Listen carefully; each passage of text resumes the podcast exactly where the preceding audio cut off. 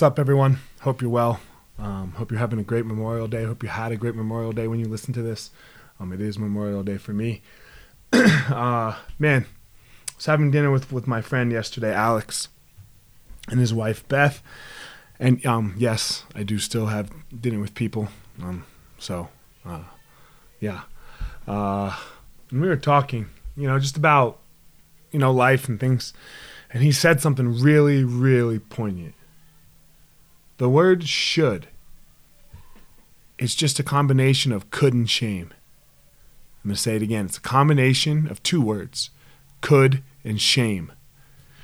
Yes, you could do something. And when we don't, we feel like we should because we add shame to ourselves for not doing that. And I and I, and I try to talk about this uh, as often as I can without being too redundant. But that shame comes from failure. Where your failure, you you have to just we have to learn how to just be okay with it. We have to learn how to just go, okay, I didn't do that as skillfully as I could. And that's why I'm really trying to use the word skillful rather than good and bad these days. You know, skillful and unskillful.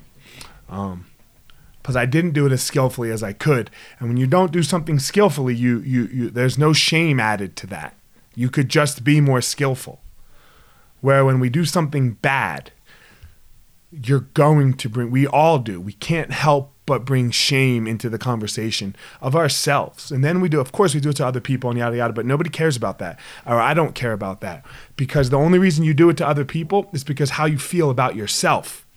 How, how, how shitty you feel about yourself is why you do the the shaming and the should have thing to others.